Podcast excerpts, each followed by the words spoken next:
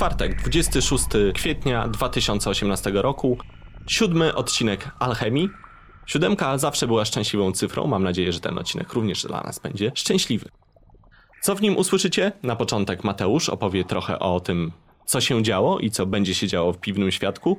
Następnie wywiad z słynnym Piotrem Romańcem, czyli nadadminem Jepiwki, założycielem grupy Jak będzie w piwie.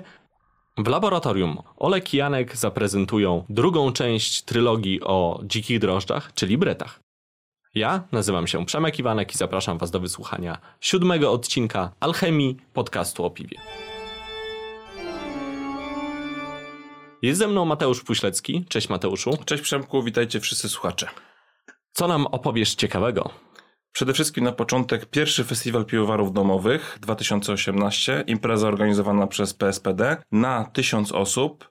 Jest to pierwsze takie wydarzenie w Polsce, gdzie zbiera się 50 piwowarów domowych, czyli jest to taki, można powiedzieć, festiwal piwowarów domowych, jak sama nazwa mówi.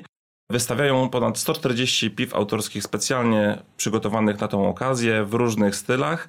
Każdy może być uczestnikiem tej imprezy, degustować w ramach wejściówki piwa, głosować przez aplikację specjalnie utworzoną na to wydarzenie na najlepsze piwo festiwalu. Jeden z tych piwowarów zdobędzie główną nagrodę, czyli wyjazd do słodowni Viking Malt w Lachti oraz ważenie piwa z browarem zamkowym w Cieszynie. Będzie można także głosować na najlepsze stanowisko festiwalu. Każdy z piwowarów wiem, że już przygotowuje jakieś specjalne przekąski, specjalnie przystrojone stanowiska, także sam jestem ciekaw, co wymyślą. Przebiorą się za krakowiaka. Bardzo możliwe. Zobaczymy. Wszyscy, jakby jesteśmy otwarci na wszystkie propozycje, zobaczymy, co przygotują dla nas piwowarze na swoich stanowiskach. Kiedy festiwal? Festiwal odbędzie się 16 czerwca w Warszawie przy rondzie Babka. Sprzedaż biletów ruszyła w piątek 20 kwietnia. Szczegóły możecie znaleźć na stronie fdp.pspd.org.pl oraz na wydarzeniu na Facebooku PSPD. Cena biletu to jest 69 zł, jeżeli chodzi o normalną wejściówkę. Jest specjalna zniżka dla członków PSPD, minus 50%. Serdecznie zapraszamy. Sprzedaż biletów trwa. Świetnie, jestem bardzo ciekawy. Tak, oprócz tego wykłady, pokazy sprzętu, dużo ciekawych rzeczy, które na pewno i birgików, i piwowarów domowych zainteresują. Strefa food trucków, będzie się działo. Browar Jana w tym tygodniu rozpoczął dystrybucję Imperial IPA i Wheat IPA w butelkach i puszkach. Jest to pierwszy browar rzemieślniczy, który wypuszcza puszki w dużej ilości w świat. W Polsce. W Polsce oczywiście. Wcześniej w dużo większej skali wypuścił puszki browar zamkowe w Cieszynie, ale po kilku warkach zrezygnował. Okej, okay, plusy i minusy puszki twoim zdaniem, Mateusz? No przede wszystkim jest to moim zdaniem bardziej ekonomiczny produkt pod względem chociażby transportowym. Jest lżejszy, łatwiej się go, że tak powiem, zgina, miażdży, łatwiej go jest zrecyklingować. Też Polska, z tego co kojarzę, jest chyba w czołówce państw Unii Europejskiej, jeżeli chodzi o recykling aluminium, głównie przez... Przez zbieraczy. Przez zbieraczy, tak, którzy, którzy chodzą na przykład nad Wisłą, czy mówiąc to wprost, wyciągają puszki z kosza. Robią bardzo dobrą robotę, bo mamy dzięki temu sporą ilość recyk recyklowanego Trudne słowo. aluminium, bardzo trudne. Szkło tu wypada trochę gorzej, bo jest cięższe, ale szczerze mówiąc, jeśli chodzi o sprawy ekologiczne, no to szkło wydaje się troszkę bardziej ekologiczne, jeśli chodzi o przetwarzanie, natomiast mamy dość niski współczynnik przetwarzania szkła, bo szacuje się, że jest to około 50%, kiedy skandynawskie kraje mają na przykład 90% recyklingu, także polecamy wyrzucać butelki do kosza na butelki. Tak, i koniecznie płucz się wcześniej przed wyrzuceniem butelki, czy w ogóle wszystkie tworzywa, opakowania, które są recyklingowane, e, taki na przykład takie, takie opakowanie po jogurcie, gdzie w środku jeszcze jest trochę jogurtu, ono jest źle przygotowane do recyklingu. Powinno być opłukane, wysuszone e, i wtedy dopiero wyrzucone do odpowiedniego kontenera. Zgadza się. Także puszki mają swoje plusy i minusy. Tak jak powiedzieliśmy, większość aluminium pochodzi z recyklingu, natomiast to, które jest nowe, jest niestety wydobywane metodą odkrywkową i tutaj wypada gorzej przy butelkach. Ale butelki z kolei zużywają sporo paliwa na transport, także jest jeden jeden. Jeśli chodzi o piwo, to wydaje mi się, że zdecydowanie lepiej puszka zachowuje aromaty chmielowe. I w ogóle chyba też nie nasłonecznia się tak bardzo piwo w środku jak butelce mniejsza przepuszczalność promieni słonecznych, no ale ciepło też działa. Mam nadzieję, kolejny plus, że rozpropaguje pojemność 0,33 w Polsce, czego nie zrobiły butelki. Poza tym też ma wartość marketingową, bo na półce, jeżeli widzimy puszkę, ta etykieta może zajmować praktycznie całą powierzchnię puszki z przodu, oprócz dołu i, i góry, także mm, to jest też duża przewaga puszki moim zdaniem. Można zrobić bardzo ładne puszki, jak pokazują zagraniczne browary. Tak, także trzymamy kciuki. Otwiera się drugi lokal drugiego dna, czyli bardzo popularnego multitapu w centrum e, Warszawy przy Nowogrodzkiej 4, teraz na e, Ochocie, czyli przy ulicy Tarczyńskiej, bardzo blisko ciebie. Będziesz miał blisko na piwo. Tak, jeszcze troszkę chyba potrwa zanim się otworzy. Widziałem póki co zaklejone szyby. Trzymamy kciuki. Mówiliśmy w poprzednich odcinkach o cydrach. Ciekawym tematem są także miody pitne. Widziałem ostatnio, że browar Pinta zakupił kilka beczek e, miodu. Pewnie będą szykowali coś fajnego. Nie wiem, czy to będzie bragot, czy może będzie jakieś piwo leżakowane w beczkach po miodzie. Tymczasem Może Łom- lubię kanapki z miodem, ja lubię. kanapki z miodem Może? i z serem białym. Tak. Natomiast już te, w tej chwili Łąkomin zrobił risa w beczce po miodzie pitnym z pasieki dziki miód, piwowar, bo taka jest chyba nazwa tej miodosytni. Jestem bardzo ciekawy, jak będzie to smakować. Czy rzeczywiście te smaki jakoś zostaną w piwie? Piwo nazywa się Strogi Niedźwiedź i zadebiutuje w długi weekend, czyli 4 maja dokładnie. Czym emocjonują się Amerykanie Przemku w tej chwili? Amerykanie emocjonują się futbolem amerykańskim. I pieniędzmi, I pieniędzmi też. i marketingiem, i reklamą. Dokładnie. Przechodzimy do newsów zagranicznych. Browar Stone zaskarżył giganta, czyli Miller Coorsa, jeden z największych browarów na świecie, z powodu nazwy. Mianowicie Miller Coors ma markę, która nazywa się Keystone i w tym momencie robi jej rebranding i na puszce widnieje sam napis Stone. Z tego powodu browar Stone poczuł się wykorzystany. Jego nazwa została wykorzystana, no i cóż, będzie proces. No to, to chyba taki typowy proces amerykański, bo ja słyszałem o wielu sprawach takiej firmy z logo żółto-czerwonym, o jakieś pozwy, jakieś niewiarygodne kwoty typu 50 milionów dolarów za to, że ktoś poparzył się kawą, a nie było na opakowaniu napisane, że uwaga gorące. W Ameryce sądy to sport. Oni chyba tak lubią po prostu. Bardzo. No zobaczymy, będziemy śledzili tą sprawę, e, może być ciekawy case. Drugi news z zagranicy, kolejny znany browar w Polsce, czyli Brudok. Brudok mianowicie idzie w cydry. W Wielkiej Brytanii kupił londyńską cydrownię Hawks Cider. Czyli co, teraz Brudok będzie też się bawił w cydry? No właśnie nie wiemy, czy to będzie pod logo Brudoga, czy to będzie pod logo dalej Hawks Cider. Hmm, no zobaczymy, ciekawy jestem. To pokazuje również trend, czyli po, coraz większą popularność cydrów zarówno w Wielkiej Brytanii, jak i w Stanach. Kiedy w Polsce nie wiem. I mam jeszcze dla ciebie jednego newsa, Mateuszu. Wie- Zaskocz mnie. będzie w Warszawie na Iskrze już 5 maja Festiwal Pierogów Świata. Jesteś zainteresowany? Mm, No, wiesz co, to jest długi weekend. Nie wiem, czy zdążę wrócić. Może tak. Jeżeli tak, to pewnie chętnie się wybiorę. Iskra, czyli to jest y, pole mokotowskie. Dokładnie tak. Cóż, no i pewnie idea festiwalu pierogów y, jest powiązana ze slow foodem, podobnie jak browary rzemieślnicze czy piwo rzemieślnicze, także trzeba przybić piątkę. Nie widzieliście tego, ja widziałem Mateuszowi zapaliły się oczka, jak powiedziałem o pierogach. Y, Przemku, widziałeś ostatnią etykietę bazyliszka, chodzi o piwo y, Extra Red IPA? Niestety widziałem. I co o niej sądzisz? Wolałbym się nie wypowiadać na ten temat. Nie podoba mi się. Znaczy tak, powiem szczerze, całkowicie znamy chłopaków z Bazyliszka, może podpadnę teraz im, może nie, natomiast mi etykiety wizualnie Bazyliszka się nie podobają. One są takie trochę zrobione na odwal, natomiast y, mogę przybić piątkę za pomysłowość i za kontrowersyjność tych y, etykiet, bo pamiętamy etykietę Kwacha z Aleksandrem Kwasińskim, który na początku chyba był z pełnym wizerunkiem, później miał przysłonione oczy ze względów Był prawnych też, pewnie. był też kwaśny Olek z innego browaru. No był też temat polityczny, jeżeli chodzi o browar Dionizos e, i Czarnego Kota, czy tam Kota Prezesa, Kot tak? prezesa. Kot tak, prezesa. było takie. Co do kontrowersyjnych etykiet, nie sądzę, żeby taki, taki marketing, czyli podpieranie się polityką pomagało. Może pomaga, nie wiem, trzeba zapytać te browary. Mi się osobiście to nie podoba i mnie to nie zachęca. Ja myślę, że to jest e, taka opcja, która robi szum na chociażby Jepiwce, o której będzie za chwilę i tam jest duży, duży szum i ludzie komentują to bardzo mocno. Czy się przekłada to faktycznie na sprzedaż? Nie wiem, może. Trzeba by było chłopaków z Bazyliszka zapytać. Pytanie, czy komentują pozytywnie, czy negatywnie. Myślę, że na Jepiwce to w cały świat. E, Natomiast tutaj mm, poruszyliśmy fajny temat, czyli temat etykiet, bo pewnie większość z Was wie, że Mateusz zbiera etykiety. nie, nie zbieram, ja nie jestem birofilem. Ja jestem birgikiem, piwowarem domowym, ale na szczęście nie jestem birofilem. Mam złe doświadczenia z birofilami, ale nie będę tutaj e, Pomijmy rozszerzał tematu. Może nas słuchaj. Natomiast w- ciekawą sprawą są etykiety, bo to jest bardzo mm, ważny element marketingu, jeżeli chodzi o piwa, bo klienci kupują zazwyczaj oczami. 60% tego, jak wybieramy produkt, jak kupujemy, to jest to, co widzimy. Obojętnie, czy to jest spożywka, piwa, czy to są jakieś produkty AGD, ważne jest bardzo opakowanie i ono w pierwszej kolejności, jeżeli klient na przykład nie jest stałym twoim klientem, rozstrzyga o tym, czy towar zostanie zakupiony, czy nie. I chciałem tutaj wyróżnić trzy browary, które moim zdaniem robią bardzo fajne etykiety w Polsce, browary rzemieślnicze, czyli Brokreacja, y, Rockmill i inne beczki.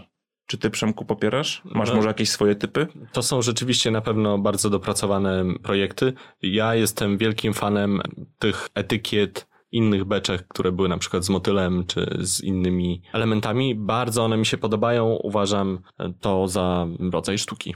Zresztą robi je artystka, więc naprawdę są, są sztuką użytkową. Tak, i bardzo, bardzo przyciągają. Ja myślę, że y, sukces sprzedażowy innych beczek w bardzo dużej, bardzo dużej części właśnie został uwarunkowany przez etykiety.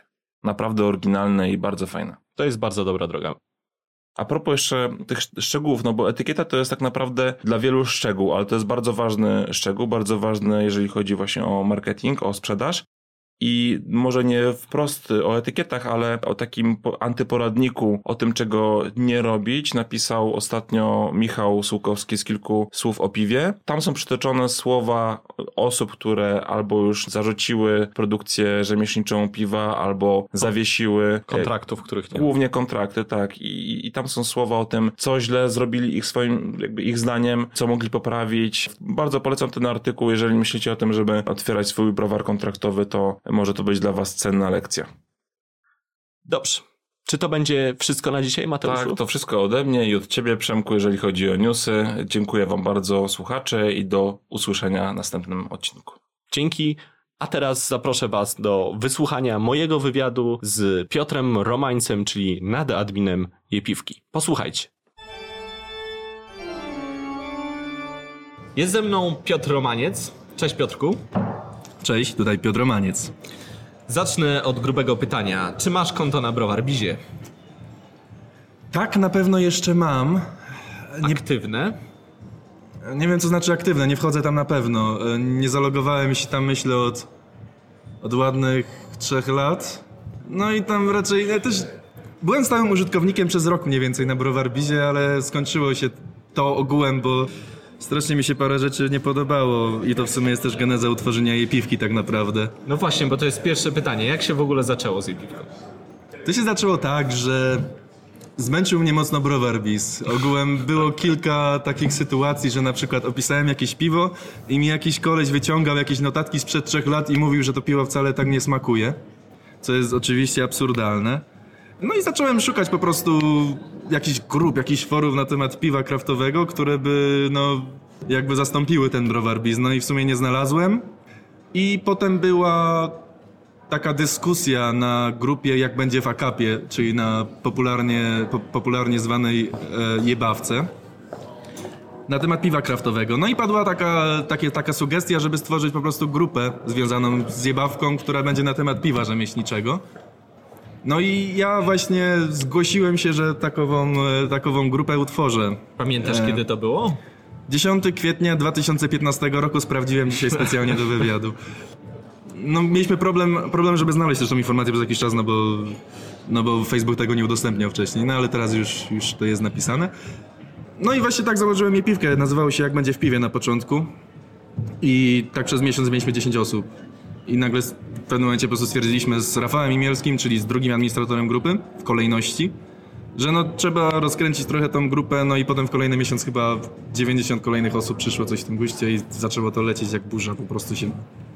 Byliśmy zdziwieni przez kolejny rok jeszcze. Czyli nie spodziewałeś się tej popularności? Raczej nie, no bo sądząc po początkach... No z jednej strony na początku myślałem, że to raczej chwyci, no bo wtedy powiedzmy już ta, ten ruch kraftowy tak, tak się budował solidnie dosyć. że sporo osób się tym po prostu interesowało. I w dodatku opieraliśmy się na dosyć takiej sporej bazie osób, czyli właśnie na jak będzie fakapie, które jest dosyć dużą grupą, teraz nie wiem, już nie śledzę szczerze mówiąc. Ale tak myślę 20 tysięcy, nie, już dawno to przekroczyło. To jest mnóstwo tam osób jest w każdym razie. No i tam tworzyły się właśnie takie podsekcje i myślałem, że to chwyci. Na początku nie chwyciło, potem z kolei chwyciło i głównie się opierało właśnie na osobach z tej grupy. Aż w końcu jakiś bloger, jeden albo drugi, e, należący do jak będzie fakapie, wrzucił to na swojego bloga i zaczęło się to coraz bardziej pokrywać tak właśnie z branżą e, kraftową, że zaczęli przychodzić ludzie z, głównie na początku z mediów, z blogów, e, a potem zaczęli się pi piwowarzy zjeżdżać na jej piwkę, z czego Artur Karpiński, Artur Karpiński był pierwszy, on właśnie typowo z jak będzie Hakapie przyszedł. To jeszcze zanim założył Golema i stał się administratorem. I w tym momencie jest około 11 tysięcy osób. 11 019 osób. Od wczoraj e, przebiliśmy to 11 tysięcy, jakoś 30 osób wczoraj ktoś przyjął. Ja wczoraj nie byłem na przyjęciach, więc nie wiem. Więc grubo ponad 10 tysięcy osób. Mamy na fani piwnego kraftu mają około 8. Tomasz Kopyra w swoich filmach średnio ma od 15 do 20, w tych standardowych, prawda? Nie mówię o tych testach z Biedronki piw, bo wtedy mu skaczą mocno wyniki. E, Walkie Talkie Jabberwocky ma gdzieś około 10 średnio. No i tutaj dochodzimy do ilości osób, które są w internecie zainteresowane piwami rzemieślniczymi. Czy sądzisz, że te 20-25 tysięcy osób, tak mniej więcej to się kształtuje, to jest, to jest ten szklany sufit, którego się nie przebije? Ciężko to oszacować tak naprawdę. Jak Kiedyś próbowałem to oszacować i tak myślałem, że sko- skończy się na 10 tysiącach na piwce i zacznie to wszystko topnieć, ale teraz nam tak naprawdę tak szybko przybywa coraz, coraz więcej jest przyjęć, mimo tego, że zaostrzyliśmy te przyjęcia, że do nas trudno się dostać. Jak ostatnio patrzyłem, proporcja w miesiącu jest taka, że 120 przyjęć, 250 odrzuceń. Chodzi głównie o, o pytania kontrolne. No i tak naprawdę bardzo ciężko stwierdzić, bo też ta społeczność się bardzo szybko rozwija, więc no to jest naprawdę rzecz nie do oszacowania chyba, bo no wiadomo, że Kopyra zawsze będzie większa rzesza osób oglądać, bo wiele osób go ogląda po prostu. Jak potem widzisz live'a, to ludzie się pytają o, o Tatrę albo Żuberka. Nie wiem, naprawdę nie potrafię odpowiedzieć na to pytanie tak naprawdę jakoś precyzyjnie. No, ja myślę, że to, no teraz to, to będzie 25 tysięcy takich internetowych fanów, y, fanów craftu, e, fanów piwnego craftu. Jaka jest realna siła jej piwki w kreowaniu gustów piwnych, browarów? Na pewno w pewnym momencie była ona dosyć silna. Mi się wydaje, że właśnie też sporo użytkowników jej piwki przenosiło trendy, przez to, że właśnie te trendy no, znali za granicę, ale to często, często też były osoby związane jednak ze środowiskiem i to trochę tak, e, myślę, że zwłaszcza widać po przykładzie New England IPA. U nas się zaczęło to stosunkowo wcześnie wszystko pojawiać, ten nowy trend, e, nowe piwa, recenzje tych piw, osoby, które były w Stanach. To jest myślę coś, czego w sumie jako tako nie było w innych mediach, e, ani na forach, ani na grupach, ani na blogach. No i na pewno pełni jakąś funkcję. No i tak to wszystko, wszystko przechodzi raczej dosyć płynnie z kraju na kraj, no bo powiedzmy sobie na Ukrainie nie ma jej piwki, a New England IPA też ważą. Powoli, bo powoli, ale zaczynają. A popularność browarów? Myślisz, że któreś się stały bardziej popularne? Zdecydowanie, zdecydowanie. Bo są po prostu browary, które potrafią się też trochę poruszać na tej piwce, że mają kontakt z osobami, które te piwa oceniają. Do tego jeszcze Artur jest dość mocno związany, Artur z Golema jest dość mocno związany z jej piwką, jest administratorem. I na pewno, na pewno też, no jej piwka zwiększa jej popularność, no bo, no bo praktycznie on też wrzuca często newsy z browaru, trochę ze środka bardziej, trochę wcześniej.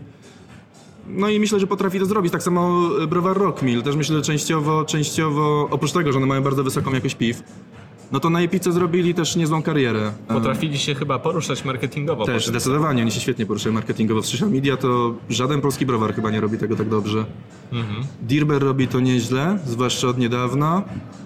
Golem też chyba całkiem, całkiem fajnie. To jest jasna strona jej piwki, prawda? Czyli kreowanie, powiedzmy, gustów, kreowanie nowych browarów. A co z tą ciemniejszą stroną, czyli powiedzmy z tym trollnetem, rajdy, browary wyklęte i tak dalej? Poczuwasz się do odpowiedzialności? No do odpowiedzialności się nie, po, nie poczułem, choć częściowo myślę, że na mnie ciąży, bo trochę też tym czasem uczestniczyłem, no co, co by nie mówić. Dla mnie to jest w ogóle tak naprawdę pozytyw trochę tej grupy, no bo to jednak buduje pewien charakter. grupy. No i Niedobrze jest zacierać, zadzierać z jej piwką, co? No trochę tak, no. No jest ta trend, tendencja trochę, że jak ktoś coś tam zrobi, to potem jest dość, czasem nawet za bardzo jednak karany. No ale były takie sytuacje, że naprawdę parę osób z, z branży zrobiło coś naprawdę głupiego i to w dodatku też czasem na grupie. No i ciężko, żeby potem tego ludzie nie, nie, nie, nie strofowali, nie komentowali, nie, cały czas nie przedłużali tej całej afery, no bo to często po prostu dla ludzi jest też śmieszne. Tak naprawdę ja nie widzę, żeby u nas był... To, to jest trochę kultura takiego właśnie trollnetu, no. y, To, to wychodzą nasze korzenie, z, korzenie z jebawki, czyli jak będzie w akapie. Ze ślizgu, też sporo osób w ogóle ze ślizgu, czyli tego forum rapowego, nie wiem czy znasz. Sam ślizg znam jako gazetę, która istniała, No tak, prawda? była, była, ale teraz cały czas jest forum e, Aha, internetowe i tam też jest sporo osób pijących kraft. I To tego nie wiedziałem. To była taka pewna siła, e, też początkowa, myślę, e, myślę jej piwki. Zauważyłem sporo właśnie mordeczek ze ślizgu. Teraz chyba nie stanowią jakiejś znaczącej siły, ale na początku na pewno parę osób kojarzyłem, takich aktywnych użytkowników. Są różne fazy na jej piwce, prawda? Raz idzie w górę, raz idzie w dół, raz są popularne bardziej jakieś trendy, na przykład, no cóż, y, nie wiem, piw zagranicznych, a czasami bardziej tak zwani normicy dochodzą do głosu. Czy mi się wydaje, czy tak jest? Czujesz te Trudno fluktuacje? powiedzieć, no fluktuacje. No w pewien sposób obydwie grupy nawzajem istnieją na, na jej piwce i w jakiś sposób się uzupełniają. Wiele osób tak nie bardzo poczuwa się do wrzucania recenzji polskich piw. Z kolei ci tak, tak zwani normicy wrzucają typowo raczej polskie piwa. Dla mnie to wszystko się jakoś uzupełnia. Nie ma teraz jakiegoś wzajemnego hejtu za bardzo. Tam były w pewnym momencie z tym problemy. Tak naprawdę już to jest raczej przeszłość. Nie wiem, ja nie widzę w ogóle jakby tutaj problemu. Po prostu wszystko się fajnie uzupełnia raczej. Zadanie administratora, przycinanie niekorzystnych rzeczy, które się dzieją? No tak, mniej więcej. Znaczy, fajnie, faj, fajne jest to, że w miarę wypracowaliśmy to, że grupa się sama reguluje. A mianowicie sami użytkownicy strofują innych użytkowników, jak tam ci zrobią coś, coś złego. Zazwyczaj dotyczy po prostu osób, które są nowe, nie doczytały regulaminu, bo czasem jednak robimy takie masowe, masowe wpuszczanie osób. Tam na, na Wigilię wpuściliśmy z 500 osób chyba na raz. Prezent na gwiazdkę. Tak, właśnie, mniej więcej. Takie to było w założeniu. Od razu wtedy przychodzi trochę więcej moderacji. No tak naprawdę ostatnio jest coraz mniej moderacji, mam wrażenie. I no, osoby zazwyczaj postujące przestrzegają regulaminu, nie ma z tym problemu. Są dosyć podstawowe kwestie tak naprawdę. No, chodzi o to, żeby zamieścić nazwę piwa, dostosować się do, do tych naszych zasad związanych z pytaniami się, jak, jak gdzie wypić piwo w Poznaniu. To jest zwłaszcza upierdliwie, bo to o tym nikt nie pamięta. No tak naprawdę już teraz no, dużo mniej myślę spędzam czasu nad piwką niż kiedyś. Tak naprawdę teraz się trochę zaostrzyło, bo jestem plebiscyt, trzeba trochę przy tym porobić. I tak aż tak regularnie nie wrzucałem tych postów nominacyjnych. E, Dobrze, a te osoby, które są powiedzmy kolorowe, ale trochę za bardzo wystają, trafiają na jakieś grupy, które wypączkowały z jej piwki, prawda? Ile tych grup jest, tak możesz oszacować mniej więcej? Raczej niedużo. Tak naprawdę e, takie grupy bezpośrednio związane z naszą grupą to Jewaszka, czyli ta, dawniej to dawniej się nazywało jak będzie w piwo, piwowarstwie domowym, ale raz, kiedy ja zmieniłem nazwę, jakby jak będzie w piwie na jej piwka, to oni też zmienili na Jewaszkę zaraz potem. Jeszcze jest sekcja kwasu chlebowego. Pozdrawiam, najnie, najmniejsza sekcja chyba jaka istnieje, chyba z 30 osób. A degustacje w tatarakach?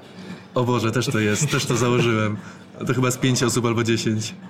Fantastyczna grupa, klimatyczna. Skończyło się postowanie po dwóch dniach pewnie, albo trzech. No i wiadomo, kustosze jeszcze, który, którzy, którzy teraz już chyba nawet nie mają nazwy związanej z, z jepiwką jako tako. Tam był też taki, w ogóle jak się wpisze w wyszukiwarce Facebooka fani piwnego craftu, to grupą, która wyskakuje niegdyś na pierwszym miejscu, to byli kustosze. Głównie dlatego, że mamy domenę po prostu na Facebooku zarezerwowaną na fanów piwnego craftu. Co, no kiedyś miałem po prostu taki trochę humoru. Okej. I to jest właśnie ta część trollnetu, o której Tak, no to, to, to zrobiliśmy taki mini rajd, no to, to w sumie był po prostu żart, to nie było jakieś takie złośliwe coś w tym guście. Ale to całkiem śmieszne było na jeden wieczór. Potem już przestało być, jak to zwykle bywa. Dobra, poważne pytanie. Facebook dość mocno poprzycinał fan, fanpage jakiś czas temu. Strony niektóre praktycznie zostały wycięte do zera albo mają jakieś śladowe ilości wyświetleń. W tym momencie grupy trochę jeszcze mają lepiej, jeszcze trochę lepiej funkcjonują, ale czy nie sądzisz po tym, co się stało, że być może przyjdzie taki czas, że Facebook zadecyduje, że trzeba wyciąć ich grupy? Myślę, że na razie próbują na tym zarobić, bo w końcu zaczęli rozwijać samą tematykę grup. I raczej nie będą ich wycinać, właśnie będą szukać typowo zarobku. Dlatego też już u nas można zobaczyć czasem reklamy Tyskiego albo innych koncernów, bo dopasowują treść. I to nie ty wrzucasz. No, zdecydowanie nie. Ja w ogóle z tego nic nie mam. Mam wrażenie, że w pewnym momencie trzeba będzie szukać innej platformy, tak naprawdę. I cały czas nad tym myślę. No, właśnie, ale bo- nie ma alternatywy na razie. No, tak naprawdę grupa się wciąż rozwija, jeszcze nam zbytnio treści nie przycinają, choć mam podejrzenie, że nam dają po zasięgach trochę, bo zasięg teraz spada. I myślę, że... Bo ogółem zasięg fluktuuje na grupie. On teraz spadł do 35 tysięcy aktywności na miesiąc, ale myślę, że w wakacje zwykło być nawet 40 tysięcy. I w grudniu mieliśmy kolejny taki szczyt, bo 38 tysięcy, więc no jednak jest taka trochę tendencja spadkowa ostatnio. I też mam wrażenie, że u mnie na feedzie jest mniej jepiwki. Mimo, że jestem administratorem, mam powiadomienia z każdego posta, to mimo wszystko tego jest mniej. Więc mam wrażenie, że mogą też przycinać trochę na piwie jako tako. No, to są też rzeczy, których tak naprawdę, które tak naprawdę się trochę zawsze anegdotycznie ustala, bo nie wiadomo jak algorytm działa. I to jest w sumie też wszechobecny problem e, social media, że tak naprawdę... Brak informacji, jakieś przecieki, prawda? Tak, no jeśli się zrobi coś takiego jak grupa, to zdecydowanie jest problem. I nie jest się partnerem biznesowym Facebooka na przykład, czy, czy YouTube'a. I to zawsze będzie działało zagadkowo. Tak samo YouTuberzy te, teraz mają, że po prostu ucinają im reklamy i tyle. Nie ma, nie, ma, nie ma powodu tak naprawdę, dlaczego to robią. Niby zasłaniają się regulaminem, ale tak naprawdę to nie ma tam żadnego paragrafu na to. Wiesz, bo dążę do tego, że pora ogólnie przestały żyć te zewnętrzne, tak jak Browar Willis i parę innych. No, jasne. Troszkę się koń- skończyła ta formuła. Internet w ogóle jest taki efemeryczny, że coś się zaczyna, za chwilę się kończy. Czy masz jakieś przewidywania, co się stanie później? Pojawi się po prostu coś nowego, jeśli Facebook zacznie na przykład bumerać przy grupach mocno i je obcinać? Możliwe, że jeśli przesadzam z tym wszystkim, bo mam wrażenie, że Mark Zuckerberg nie do końca czasem wie, co robi, jak się rozmawia z Zwany ludźmi. Tak. Jak się rozmawia z ludźmi, jacy są ludzie tak naprawdę, on się sam z- trochę zachowuje jako osoba z zaburzeniami, jak się tak na spojrzy, jak on próbuje, próbuje okazać emocje, co mu nie wychodzi nigdy. Bo wiesz, bo chodzi mi o to, że na przykład niektórzy poprzenosili swoje blogi na Facebooka i w tym momencie jest z powrotem odwrót, bo zobaczyli, że, że, że, że fanpage są mocno cięte, prawda?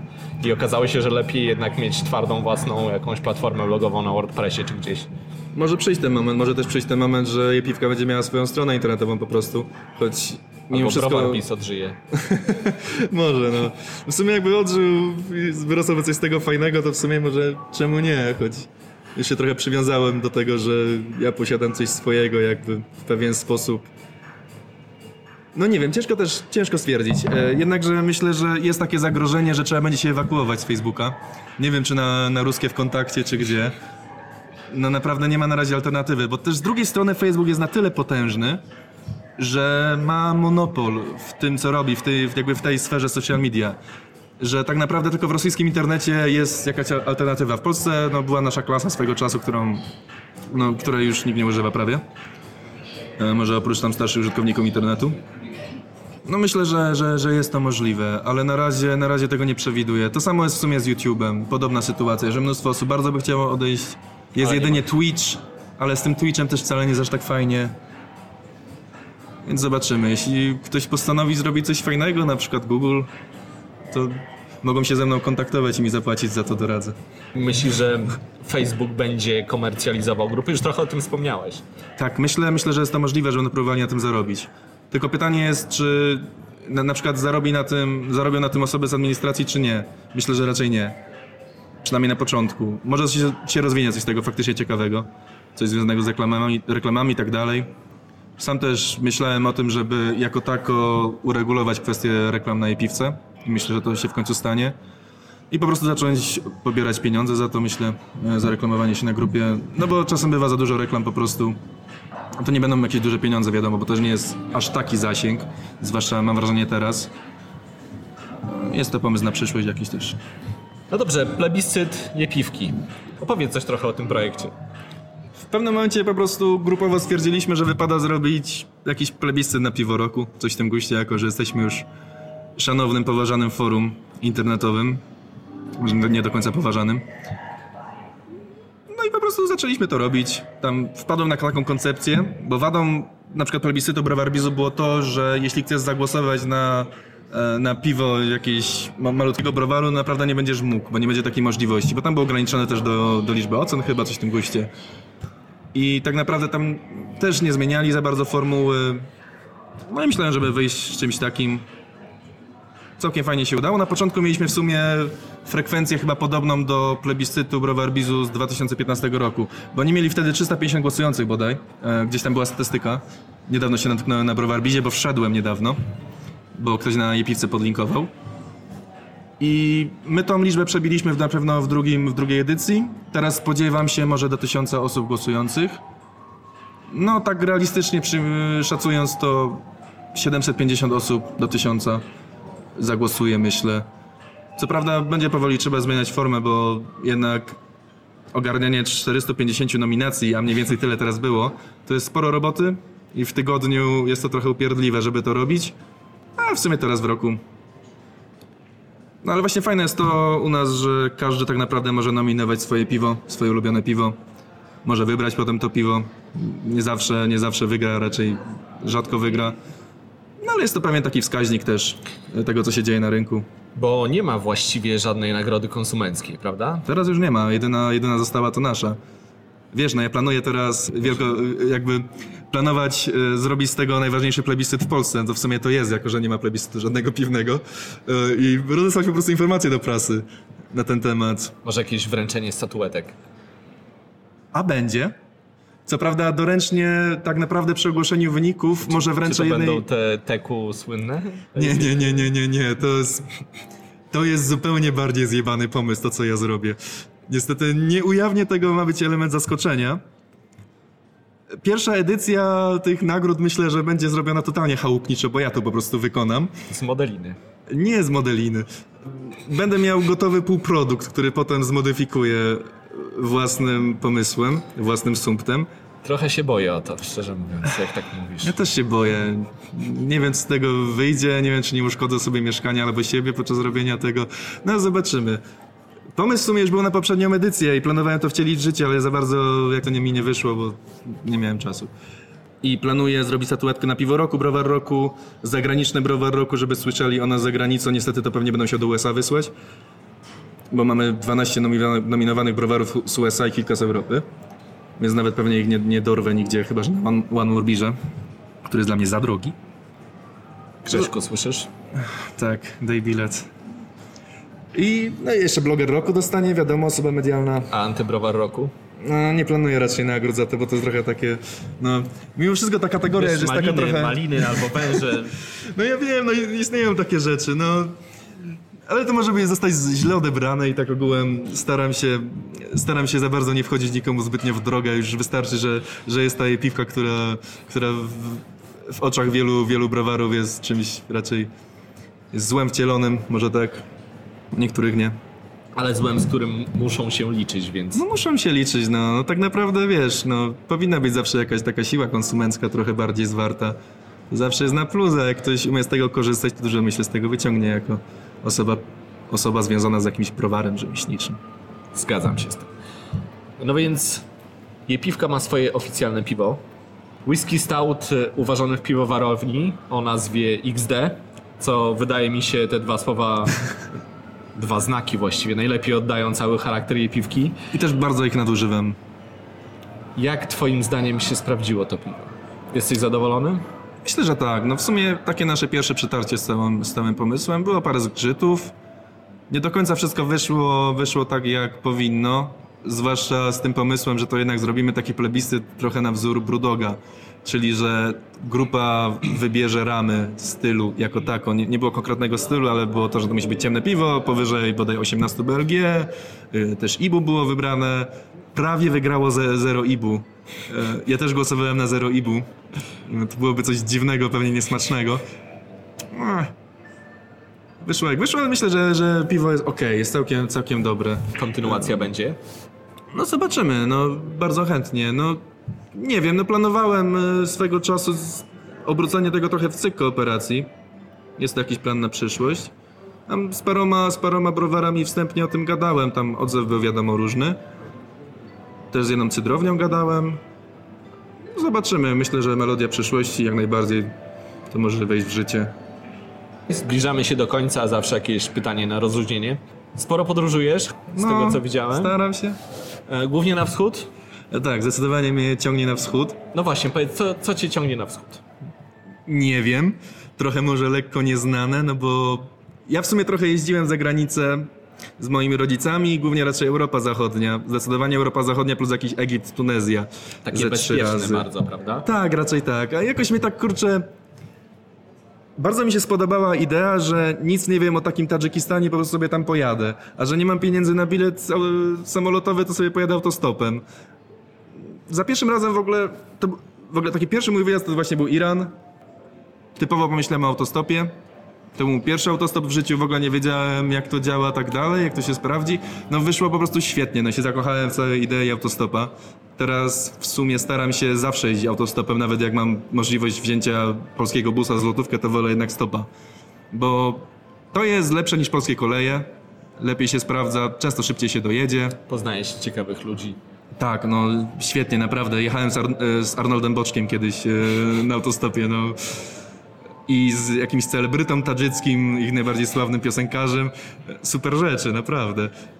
No i ciekawe sytuacje są cały czas na drodze takiej. Więcej się widzi, poznaje się tak naprawdę, jak się jest za granicą, poznaje się kulturę trochę danego kraju, przez to jak, jaką interakcję z tobą mają inni ludzie. Poznaje się też języki obce, bo tak naprawdę dogadać się w takim Iranie po angielsku, no to kurczę, nie, nie bardzo. To Bo, W jakim języku się można dogadać? bo zacząłem się uczyć perskiego przed wyjazdem i jako tako po persku coś tam umiałem duknąć. Był problem, bo był. No ale no, z kolei taki wyjazd już do Azji Środkowej to, to bez problemu, bo to po rosyjsku. Tam uczyłem się 7 miesięcy może przed wyjazdem rosyjskiego. E, W miarę, w miarę mi wyszło, jeszcze pomogła mi Nastia jako native speaker, czyli moja dziewczyna. Siedzi tutaj z nami. Dokładnie Powiedz tak. cześć Nastia. Cześć! No także zdecydowanie polecam taki trochę bardziej brudny tryb wyjazdów. Nie same Grecje, żeby leżeć na plaży, ale naprawdę takie wyjazdy są mega satysfakcjonujące. E, Ja też lubię po prostu oglądać takie mało turystyczne rzeczy. Jestem trochę, mam trochę alergię na, turysty, na, tur, na turystów jako tako. Jak byłem w Pradze na przykład nie zrobiła na mnie wrażenia głównie przez to, że no jest wręcz zaśmiecona turystami po prostu na każdym kroku. Takie krupówki trochę, co? Albo Mm. Trochę tak, trochę tak. A jak wjeżdżasz do jakiegoś Ary w Kurdystanie tureckim, to ludzie pierwszy raz widzą Europejczyka od pół roku. E, Po prostu wypiłem 17 herbat w Ary, dlatego że każdy mnie na herbatę zapraszał. Jak wieczorem krążyłem po mieście, w sumie tam za bardzo nic nie ma, to po prostu jest pod granicą z Iranem i chciałem się dalej przemieścić do Iranu. Miałem tam nocleg załatwiony przez innego hosta z couchsurfingu. Też bardzo propsuję ideę couchsurfingu. Sam jestem hostem e, w Szczecinie na couchsurfingu i sam używam właściwie tylko couchsurfingu, jak podróżuję. Jak nie mam innej opcji, to albo namiot, albo hostel. I kapitalna sprawa. Sami świetni ludzie. Czyli backpackers. No, mniej więcej. Chyba, że w takim couchsurfingu zdarzy ci się host, który jest facetem i chce cię zgwałcić na przykład, co mi się raz zdarzyło. No, Musiałem, po prostu uciekłem. I za, za- zamknąłem się dokładnie w innym pokoju i tam by przespałem noc. No, zdarzają się takie historie niestety, no ale miałem sporo doświadczeń już, no i tak naprawdę takie nieprzyjemne rzeczy to może trzykrotnie tak naprawdę. I to dwa razy to zupełnie nieszkodliwie przykre rzeczy, typu, że okazało się, że hosta nie ma w mieście, mimo że miał mnie przyjmować, a on jest na przykład w Mołdawii, co mi się zdarzyło w Kirgistanie. Trochę absurdalne zapomnieć o wyjeździe do Mołdawii. Widać, może się zdarzyć. To może się zdarzyć, nagły wyjazd z miejscowości w górach do Mołdawii e, w Kirgistanie. No cóż, to dziękuję wam bardzo. Życzę dużo udanych podróży i powodzenia z jej piwką. Dzięki bardzo. Pozdrawiam całą mi piwkę. Wywiad dobiegł końca. Przejdźmy teraz do laboratorium.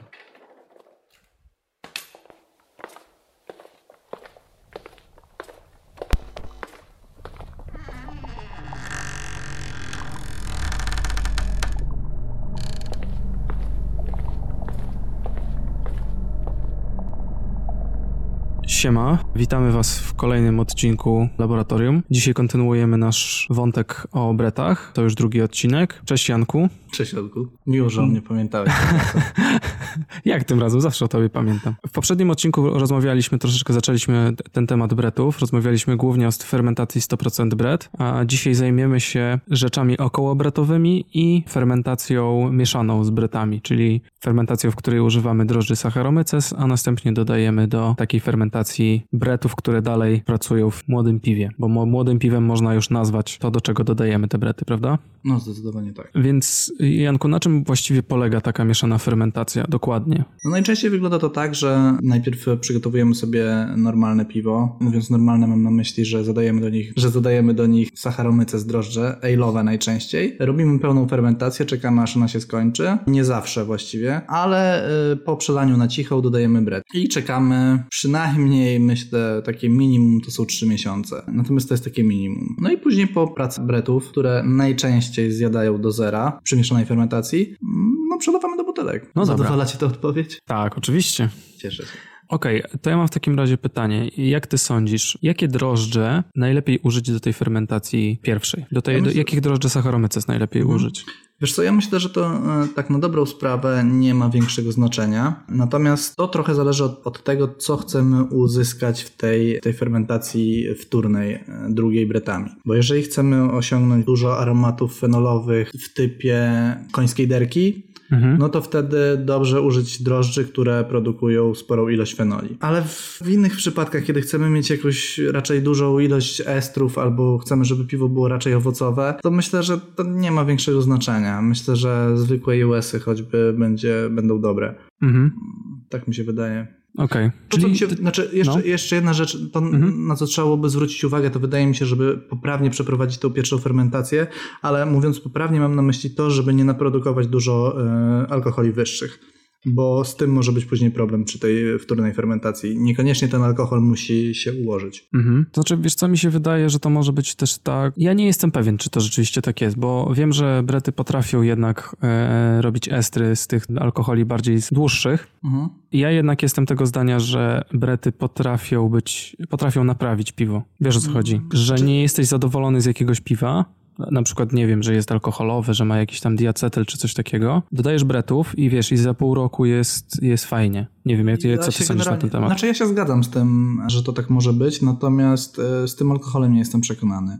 Mhm. Wydaje mi się, że miałem jedną taką sytuację, kiedy moja IPA była taka dość mocno alkoholowa, zadałem tam bretów, podtrzymałem pół roku i ten alkohol nadal był wy, wyczuwalny i ostry i nieprzyjemny. Mhm. E, Więc dlatego mówię, że z tym alkoholem ja bym uważał. Okej, okej, Być może w teorii to się tam jakoś spina, tak? Natomiast znaczy, o praktyce też niewiele mogę powiedzieć, tak? Bo to jest jakiś tam jeden przypadek, więc, e, więc też żaden, żadna próba. Natomiast wtedy, wtedy mi to nie wyszło. Ja ogólnie pytam o, o to, no bo mam wrażenie, że to tak naprawdę dużo od tego, co brety wnosz, wniosą do, tego, do, do jakiegoś tam piwa, duże ma znaczenie to, jakim szczepem przefermentujesz najpierw to piwo, w sensie jakim szczepem sacharomycesów, no bo one mają, produkują inne mm, związki chemiczne, inne aromaty i brety w inny sposób będą to potem przerabiać, prawda, na jakieś tam swoje produkty. No to ty się akurat na tym dobrze znasz, tak? Bo to, to trochę te jakby... Mhm. Znaczy tak mi się wydaje, no bo jeżeli, jeżeli użyjesz szczepu drożdży, który nie produkuje fenoli, to brety będą miały duży problem z tym, żeby tych bretów natworzyć, prawda? E, Wróć, tych, Tych aromatów. fenoli, aromatów fenolowych natworzyć, nie? Dlatego... W teorii tak, kurczę, ale zobacz, że nie ma piwa mieszanej fermentacji, które by nie miało jakiegoś rodzaju e, fanki. Zazwyczaj bez względu na to, czy prze, przefermentowałeś to drożdżami sezonowymi, które produkują sporo fenoli, czy przefermentowałeś to US-ami, czy tam jakimś, neutra, jakimś neutralnym szczepem, to i tak to fanki się pojawia. Nie jestem do końca przekonany, że to, znaczy na pewno ma to znaczenie, musi mieć, tak? Natomiast nie jest, wydaje mi się, że to nie jest kluczowe. Dlaczego ja się nad tym zastanawiam? To wynika z faktu, że ja zauważyłem, że mnóstwo ludzi, jak robi piwo mieszanej fermentacji z bretami, to najczęściej robi sezona. Nie wiem, czy zwróciłeś na to uwagę, szczególnie w Stanach. Tam to po prostu te bret sezony to na Milk the Funk to co chwila. Znaczy, to E. chyba też jest historyczne. No, te bread sezony to nie jest coś, co No, ktoś możliwe. wymyślił co dopiero, tylko no być może ma to znaczenie duże. No. Znaczy, Znaczy, w ja teorii zas- ma, no. więc y, je- jeżeli w teorii ma, to być może ma to też odwzorowanie w, w praktyce. Mi jest ciężko y, o tym jeszcze mówić, bo ja nie mam jakiegoś dużego doświadczenia w tej Mhm. e, fermentacji mieszanej. To, co mi się wydaje, może mieć znaczenie i może mieć wpływ na to, jaki będziemy mieć e, profil po fermentacji e, drugiej, tej bretami, to ile cukrów zostawimy. Może podam Ci na przykładzie mojego No. Jakiś czas temu robiłem mm, piwo pod konkurs jurajski, który się odbył tam tydzień temu. No to piwo zajęło czwarte miejsce. To była kategoria Wild Golden Belgian Strong Ale. I ja uważyłem właśnie Belgian Golden Strong Ale'a na e, drożdżach WLP 545 zdaje się. To są dedykowane drożdże do tego stylu. I one zjadły mi z 18,5 plato do jednego plato. Czyli bardzo, bardzo głęboko odfermentowały. I po zadaniu tych bretów został jeden, jeden plato do zjedzenia. Te brety zjadły przez 4,5 miesiąca to jeden plato Mhm. te, te, te, ten 1% cukru, który został, ale e, tego takiego typowego funky aromatu jest bardzo niedużo. W ogóle te brety nie odcisnęły na, na tym piwie dużego piętna. Ono jest delikatnie bretowe, ale naprawdę bardzo słabo, słabo bretowe. Poziom i owocowości od tych bretów i jakichś fenoli jest bardzo niska. Mhm. Więc wydaje mi się, że to może mieć spore znaczenie. Ile zostawimy cukrów do przejedzenia dla, e, dla bretu. Okej. Mm, Być może to też ma e, duży wpływ na to, jak szybko pojawią się te aromaty e, pożądane przez tych, które oczekujemy od bretów. Tak? Mhm, mhm. Im więcej tego cukru zostało w, w rzeczce, tym prawdopodobnie więcej, szybciej one zaczną No pracować jasne. i szybciej stworzą te, te Mhm. aromaty. Więc Mhm. jeżeli chcemy zrobić szybko, fajne bretowe piwo, no to mieszanej fermentacji, no to wydaje mi się, że lepiej jest zrobić piwo, które zostawi 5 plato na przykład końcowego ekstraktu, gdzie te brety szybko ruszą. No tak, tylko to się troszeczkę kłóci z korzystaniem y, belgijskich drożdży, które najczęściej, wiesz, jakieś tam, nie wiem, te Bierdegard, czy właśnie Tak, te tylko- sezony, nie? No, masz rację, tylko że zobacz, że te wszystkie belgijskie, historyczne, bretowe piwa robi się latami, tak? I być może to właśnie ma znaczenie. Aha, że czas po prostu jest dłuższy. Tak, ja mówię o czasie. Generalnie mówię o No. czasie, że wydaje mi się, że im więcej cukrów, e, znaczy to też logiczne jest dość i tak, tak wydaje się oczywiste, tak? Mhm. Że e, im więcej tego cukru, tym, więcej, tym szybciej te brety podejmą pracę i więcej wytworzą tych aromatów, które wytworzyć mają, których pożądamy. Wydaje mi się, że to, to może mieć duży wpływ na, na profil tego piwa, jeżeli weźmiemy pod uwagę czas. Okej. Znaczy w, ogóle, jeżeli chodzi o czas, to, to chciałbym płynnie, tak jak w poprzednim odcinku, przejść do jednej rzeczy ważnej. Rzeczy, która mnie w ogóle fascynuje w bretach. Trzymamy bardzo długo to piwo, prawda? Z, z tymi bretami. Ta fermentacja trwa, trwa bardzo długo. Powiedzmy, trzy miesiące, można nawet rok trzymać. Tak, tak, to jest zdecydowanie. E, I teraz ktoś mógłby się zastanowić, a dlaczego, przepraszam, autolizy nie ma? Dla- Dlaczego aromaty autolityczne się nie pojawiają e, od martwych drożdży? I tu, proszę Państwa, Mógłby przychodzi... ktoś za- zapytać. Ja na przykład y, pytam. No dobrze, no to No. i tu proszę pana, tu właśnie przychodzi wspaniała właściwość bretów, a mianowicie to, jak one się adaptują do środowiska, w którym żyją. Więc załóżmy taką sytuację, że mamy tu naszą fermentację e, mieszaną, brety już zażarły wszystkie cukry, które były, jest 0 BLG i co teraz brety robią? Brety wcale nie zasypiają i wcale nie zaczynają umierać, tylko one zaczynają e, pobierać e, związki odżywcze od martwych drożdży Saccharomyces, czyli po prostu zachowują się jak kanibale i zżerają swoich kolegów, i w ten sposób przeżywają. I mam wrażenie, że to może mieć też znaczenie, że wiesz, że przez bardzo długi czas e, te brety żywią się tymi umarlakami i w tym czasie po prostu produkują te e, produkty swojej fermentacji, No, Nazwijamy nie? to funky, tak? Tak, Te te, aromaty te, te, te aromaty funky, nie? Wiesz co, no to, to jest problem w tym jest e, z bretami jest taki, że to, to nie jest chyba za dobrze zbadane, no nie? Mhm. Że, że nie ma dużo jakichś tam e, testów, którymi można byłoby się podeprzeć i właściwie można bazować tylko i wyłącznie na jakichś tam praktycznych e, doświadczeniach. Więc bardzo możliwe, że tak jest, że, że to ma duże znaczenie, e, to zżeranie swoich braci Sacharowicy. Tak, no i to też e, stanowi o tym, że te brety mają tak łatwo, znaczy łatwo, są tak wytrwałe, tak długo przeżywają, prawda? To, że one po prostu są w stanie żywić się e, nawet resztkami pozostałymi po, po innych drożdżach. No, no i tutaj wiesz co, tak sobie myślę, że możemy przejść Mhm. też, e, też ponownie płynnie e, Mhm. do gęstwy. A Mhm. do gęstwy drożdżowej, a konkretnie do tego, że skoro one e, są bardzo żywotne, to ja na przykład u siebie zaobserwowałem, że nawet bardzo stara gęstwa daje radę przefermentować piwo, jeżeli chcemy zrobić 100% bret. Akurat w tym, w tym przypadku ja robiłem 100% bret zazwyczaj, jak miałem starą gęstwę. I one bardzo fajnie ruszały. Raz, że szybko ruszały, dwa, że dawały naprawdę bardzo fajne piwa. I Mhm. to zdarzyło mi się użyć półrocznej gęstwy chyba, albo około półrocznej. I naprawdę wyszło świetne piwo na nich. Tak, no bo, bo one po prostu wolno umierają. No dokładnie. No dobra, tak. to opowiedzmy troszeczkę o tej gęstwie, dlatego że tutaj rzeczywiście przez to, że te brety są mało zbadane, to jest mnóstwo różnych przekonań na temat tego, jak z tą gęstwą należy operować. Może, wiesz co, może opowiedz ty na początku, co ty, ja- jak ty z, z tą gęstwą swoją... Jak postępuję z nią? Jak postępujesz, tak, dziękuję. Wiesz co, ja, ja postępuję dokładnie tak samo jak z każdą inną gęstwą. Czyli y, wrzucam ją do słoika i wsta- wstawiam do lodówki. Aha, okej. E, Bo, bo wiem prawdopodobnie do czego Mhm. pijesz, czyli do tego, że mówi się, że beretów nie powinno się trzymać w lodówce, albo że nie trzeba ich trzymać w lodówce i że warto je od czasu do czasu po prostu dokarmiać w tym słoiku i one sobie, Mhm. sobie pod... są takie teorie, tak? Tak, tak. Więc ja tego nie robię. Robiłem to raz, bo też bazowałem na tej teorii i to była pierwsza moja gęstwa. I ona oczywiście była całkiem w porządku, natomiast wszystkie kolejne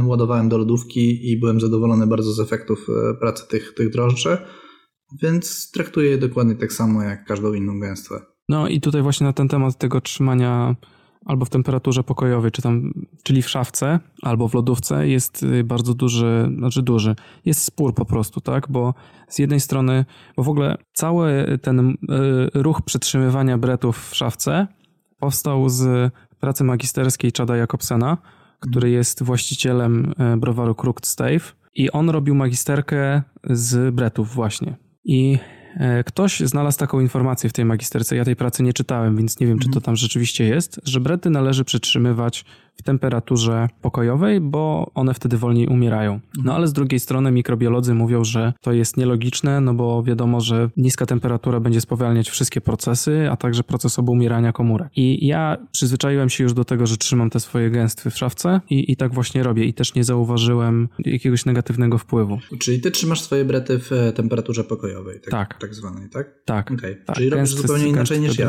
tak? Więc to jest fajnie, bo mamy dwa, dwa Tak. punkty widzenia. Tak, no i ja jeszcze zawsze jednak jak przed fermentacją robię ten starter z gęstwy. Z gęstwy. Tak. Mm, okej. Tak, zawsze staram się te, te brety rozruszać, bo one na przykład jak 3-4 miesiące sobie stoją, to wolę rozruszać e, najpierw te, te drożdże. Teraz mam pytanie, a z jakiej e, ilości tej gęstwy rozruszasz te brety? Wiesz co, nie wiem, 10-20 ml biorę Czyli i w tam pół litra. Mhm. Tak, znaczy to wiesz, bo to raczej nie chodzi o to, żeby je namnażać, tylko żeby pobudzić je do życia.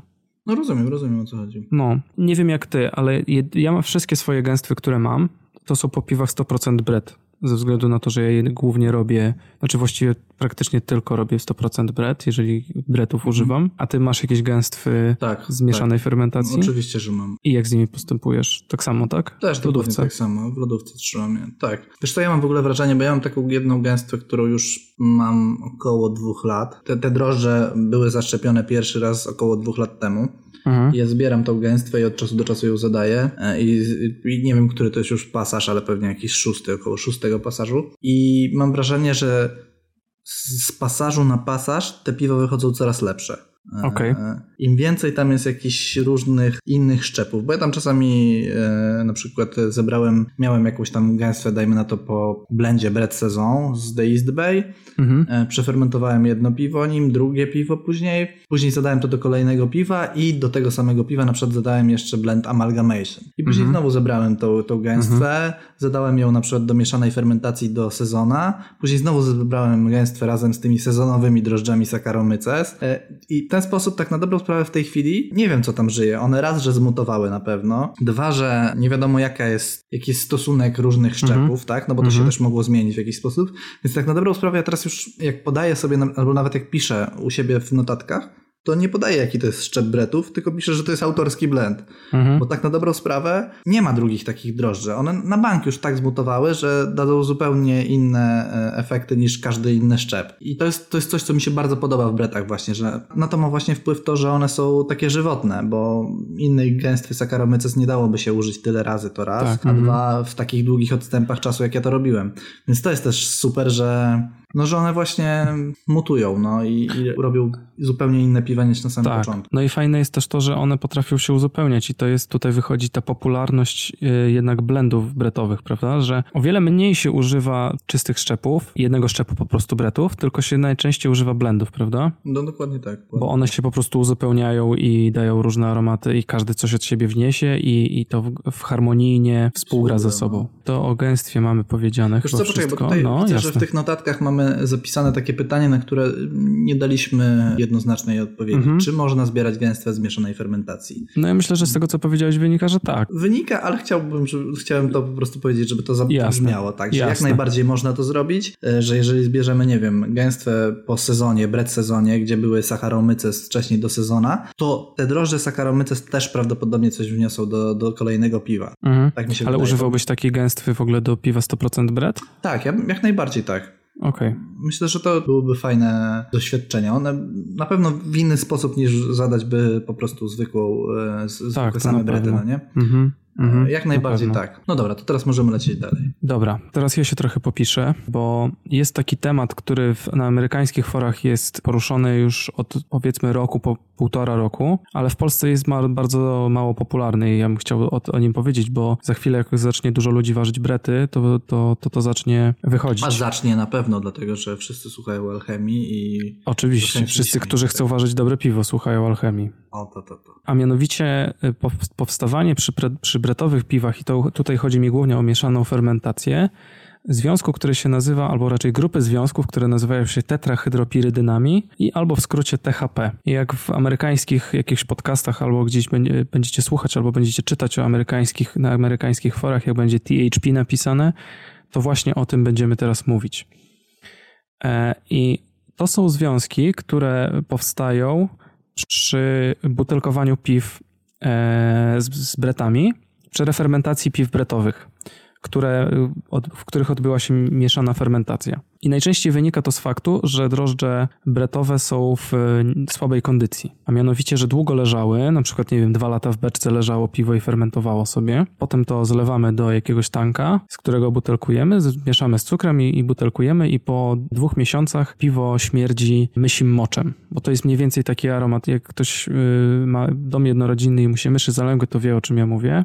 Ci, E, którzy y, nie mają y, tak. domków jednorodzinnych i myszy, to... To inny des, innym deskryptorem jest, są płatki Cheerios. Taki zbożowy to jest aromat. On się wydaje przyjemny momentami, ale podobno jak y, ta THP jest w bardzo dużym stężeniu, to jest naprawdę taki, to jest bardzo męczący na pewno aromat. Mhm. To ja ci powiem, że y, w tych piwach, które robiłem, nie robiłem ich jakoś bardzo dużo, to, Mhm. to nie zaobserwowałem tego. Tak, ale to tak jak mówię, to wynika z faktu, że prawdopodobnie po prostu krótko trzymałeś te piwa i te brety nie, zdo, Okej. nie zdążyły jeszcze troszeczkę w taki letarg popaść. Bo to jest na zasadzie trochę takiej, e, jak kiedyś Czesław Działak opowiadał o rehydratyzacji drożdży suchych. Mhm. Że jak wrzucasz e, drożdże suche prosto z paczki do brzeczki, to trochę tak jakbyś e, spał i ktoś cię w środku nocy obudził i kazał ci rozładować wagon węgla, nie? Coś w tym stylu. I to i może być problem. Ten, e, oczywiście e, ta tetrahydro, te, te, tetrahydropirydyny ustępują z czasem, te aromaty, bo brety tam zaczynają być żywsze i je przerabiają, ale trwa to na przykład półtora roku. Teraz jak sobie poradzić z tym problemem? Jeżeli u kogoś występ, wy, wystąpi taki problem, to browary rzemieślnicze w Stanach Zjednoczonych radzą sobie z tym w taki sposób, że po prostu przy butelkowaniu dodają drożdży do wina, do takiego piwa. I refermentacją wtedy zajmują się drożdże winne. Ta refermentacja następuje szybko. Te drożdże są oczywiście odporne na alkohol, więc one będą działać i są troszeczkę pod tym kątem lepsze od drożdży Saccharomyces cerevisiae. Znaczy w sensie do, od drożdży piwnych. O, to mam na myśli, prawda? Że te drożdże winne jednak są bardziej odporne na alkohol i na trudne środowisko, więc ja ogólnie polecam, jeżeli robicie piwo mieszanej fermentacji z, z bretami, to przy butelkowaniu dajcie łyżkę gęstwy drożdżowej. Może być e, piwna. Mhm, okej. Ja bym tak, ja bym tak zrobił. To, to jest dobry pomysł. No generalnie przy każdej. Robi się tak samo przecież przy piwach e, długo leżakowanych w beczce Saccharomyces bez bretów. Mhm. e, że e, w momencie, kiedy te drożdże już są po prostu rozleniwione albo w większości martwe, dodaje się łyżkę gęstwy przecież, żeby, żeby przeprowadzić prawidłową fermentację, tak? Refermentację, przepraszam. Refermentację, tak. Tak, czyli dokładnie to samo jest z bretami, tylko że tutaj trzeba po prostu, znaczy można też dodać sakaromyces, tak jak mówisz, a można dodać też drożdże, które są bardziej odporne na alkohol, czyli te winne, tak? Tak, no, no i, i tyle. I ty, tak się chciałem popisać, że wiem, No bo pięknie. że czytam ameryckie fora. Bardzo ładnie się popisałeś. Dobra, to lecimy dalej. Ja tutaj sobie zapisałem coś takiego, że brety są wyjątkowe, znaczy różni je też to od Saccharomyces, że mają wysoką wytrzymałość na warunki zewnętrzne, albo, na, albo inaczej, na warunki, w których operują, tak? Czyli e, kwaśność przez środowisko, niski poziom tlenu i mało pożywienia. O tym mało pożywienia to ja już mówiłem, prawda? Że one po prostu zaczynają się żywić kolegami. Niski poziom tlenu to ostatnio też omawialiśmy, ale możemy przypomnieć. Możemy przypomnieć, że generalnie jest teoria, która mówi o tym, że, że brety potrafią się rozmnażać bez obecności tlenu, tak? Więc Mhm. e, pomimo niewielkich ilości, niewielkiej ilości komórek, one w jakiś sposób e, i, i nienatlenionej brzeczki też potrafią się rozmnożyć, natomiast wydaje mi się, że podejrzewam, że różne szczepy różnie się zachowują. To też mówiliśmy wcześniej. Mhm, tak, no ale to jest kwestia po prostu badań. No, trzeba, wszyscy słuchacze muszą uważać piwo na bretach i Tak, wtedy dokładnie. będzie, zwiększy się poziom wiedzy na ten temat, będziemy wiedzieć, wiedzieć więcej. Tutaj jeszcze mam to kwaśne środowisko. No chodzi o to, że możemy zakwasić brzeczkę i one bez problemu sobie poradzą z bardzo kwaśnym środowiskiem. Tak, dokładnie tak. No, większość Saccharomyces będzie wymiękać przy po, chyba tam pH równym 3, z tego co pamiętam, a brety przefermentują spokojnie brzeczkę, która będzie miała pH 2, albo czy tam 2,5, z tego co pamiętam. Nie wiem, Bo ty, ty to czytałeś coś? nie, ale tak, Tak? tak, dwa to chyba nie, nie, pamiętam tego progu, ale dwa to chyba za mało. Znaczy Aha, przecież to jest aha. zbyt niskie, że one już wtedy nie dają rady. No ale to między innymi dlatego brety sobie radzą przy fermentacji lambików, tak, bo tam w pewnym Mhm. momencie to pH spada poniżej 3 i brety są w stanie dalej pracować, tak, i, i budować ten bukiet przez lata. No właśnie Ma to dlatego... wzorowanie w komercyjnym takim i historycznym ważeniu piwa, tak? No i właśnie dlatego, jak wam zakwaśność piwo wyjdzie, jakieś tam przy, jak zakwaszacie sobie w garze, no to warto zamiast wylewać, czy tam rozcieńczać, czy jakieś cuda niewidy robić, warto po prostu brety wrzucić i wyjdzie świetne piwo moim zdaniem. Tak, tylko że wydaje mi się, że z tym zakwaszaniem w kotle akurat No ja wiem, że tam ciężko jest zejść nisko. Dokładnie tak. W ogóle laktobacillusy, znaczy to jest oczywiście temat na inny odcinek, ale Mhm. e, generalnie bakterie lactobacillus mają problem z tym, żeby zejść niżej z tego względu, że one po prostu obumierają przy zbyt Tak, niskim pH, tak. tak. Czyli obniżają to pH i same się jakby wkopują w to i, i umierają, bo nie są odporne na to. No ale to, to jakby taka dygresja. Mhm. No i kolejny mamy temat o tym, jak bretanomycesy sobie radzą z tlenem, a mianowicie chodzi o ten ocet, o którym mówiliśmy ostatnio trochę bardziej. I Mhm. tutaj przy tej fermentacji mieszanej tlen jest troszeczkę bardziej wrogiem, więc tutaj Tak, ja już bym zastosował, ja bym zastosował tutaj już szkło, po prostu jakieś No słoje dobra, czy tam to, balony. to, to powiedzmy, czemu to szkło e, trzeba zastosować. Bo szkło nie przewodzi, przynajmniej w teorii, tlenu. Y, Znaczy a powietrza po plastik prostu, nie, gazów nie przepuszcza. A plastik, A plastik jest porowaty i przepuszcza gazy. Mało, bo mało, no ale w skali Dokładnie. roku... Chodzi o to, że przy dłuższej perspektywie e, czasu, tak, i my, jako że mieszaną fermentację przeprowadza się miesiącami albo latami, to wtedy tego tlenu w ciągu tego roku przejdzie na tyle dużo, że brety mogą naprodukować ocet. Tak. Dlatego stosuje się Szklane naczynia Szklane po prostu, a nie plastikowe. No ale to, że one tym tlenem się żywią przez cały czas, ma też dobre swoje strony, a mianowicie istnieje teoria o tym, że piwa chmielowe na drożdżach Brettanomyces są, utrzymują swój aromat dłużej, dlatego że nie utleniają się tak łatwo, bo te Brettanomycesy to mikroutlenianie, które zachodzi w butelce, niwelują, bo one zżerają ten tlen. Ja potwierdzam to y, w praktyce, mi też tak wychodziło. Y, Wszystkie, znaczy ja większość e, swoich piw 100% bret chmieliłem na zimno Mhm. e, i rzeczywiście może nie tyle, że ten aromat chmielowy się utrzymywał jakoś super długo, natomiast nie utleniał się, nie robiły się takie, się potrafi utlenić chmiel, to jest taka, taka landryna trochę wychodzi, takie Mhm, to się mhm, robi. Wiem o co chodzi. Mhm. To w, przy, przy bretowych piwach nie ma takiego czegoś. Tak, on jest dłużej taki świeży, taki, taki Tak, one jak się ostre, utlenia, jeżeli się utleniają, nie wiem, no, ten chmielowy aromat zanika, natomiast y, nie tworzy się ten nieprzyjemny aromat, tak? Mhm, mhm. Po prostu brety w jakiś sposób produkują więcej, nie wiem, estrów wtedy, czy po prostu zanika aromat chmielowy, a wybijają się na naprzód estry, które wytworzyły brety, tak? Balans się zmienia trochę, natomiast nie tworzą się te nieprzyjemne, nieprzyjemne aromaty wynikające z utlenienia chmielu. Dokładnie tak, dlatego warto ważyć ipy na bretach. No, zdecydowanie. To teraz y, tylko jeszcze chciałem wtrącenie jedno zrobić, bo tu sobie napisałem coś takiego, że e, poleca się w internecie i w literaturze robić piwa e, kwaśne z bretami, dlatego że bakterie produkujące kwas mlekowy produkują ten kwas mlekowy i potem drożdże ten kwas mlekowy wykorzystują do tworzenia takiego estru, który się nazywa mleczan etylu, czyli etanol, który jest obecny w piwie, reagują z kwasem mlekowym, tworzy się mleczan etylu i tenże mleczan etylu ma zapach ananasa. Więc jak ktoś chce ananasowe piwo, to polecam spróbować sobie kwaśne piwo przefermentować jakimś szczepem drożdży. Szczepem drożdży Brettanomyces. Tak, ja wczoraj akurat jestem na świeżo, bo wczoraj piłem swoje piwo. Około roku ono ma. To jest jedno z, z piw e, z, z takiego mojego projektu Turbolambic, o którym już też mówiłem.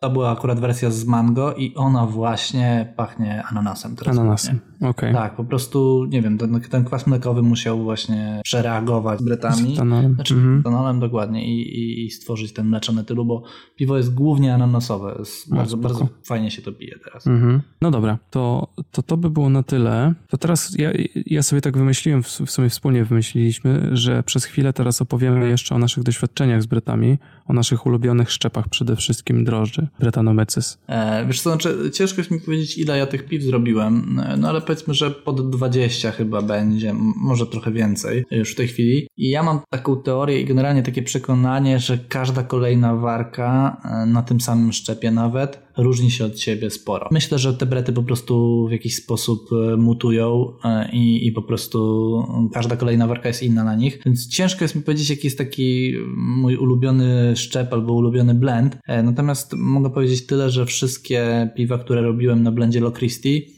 z The East Bay wyszły bardzo fajnie, wyszły bardzo owocowo. Ja w ogóle jestem zwolennikiem tego, żeby, żeby tego aromatu funky, funky to może nie, aromatu stajennego, końskiej derki i tak dalej, i tak dalej było jak najmniej. Ja Mhm, tylko owoce głównie. Dokładnie tak. Ja uważam, że to jest efekt uboczny pracy bretów. Nie oszukujmy się, aromat stajni nie jest aromatem przyjemnym. Jeżeli on jest gdzieś tam z tyłu, no to jest efektem ubocznym, który przypałętał się, ale cała e, gama aromatów e, estrowych jest, e, rekompensuje to po prostu. Więc ja staram się zawsze tak zaprojektować piwo, żeby tych estrów było jak najwięcej i jak najmniej tych takich nieprzyjemnych aromatów. Więc jeżeli chodzi o 100% bread, to polecam bardzo ten dla Christie.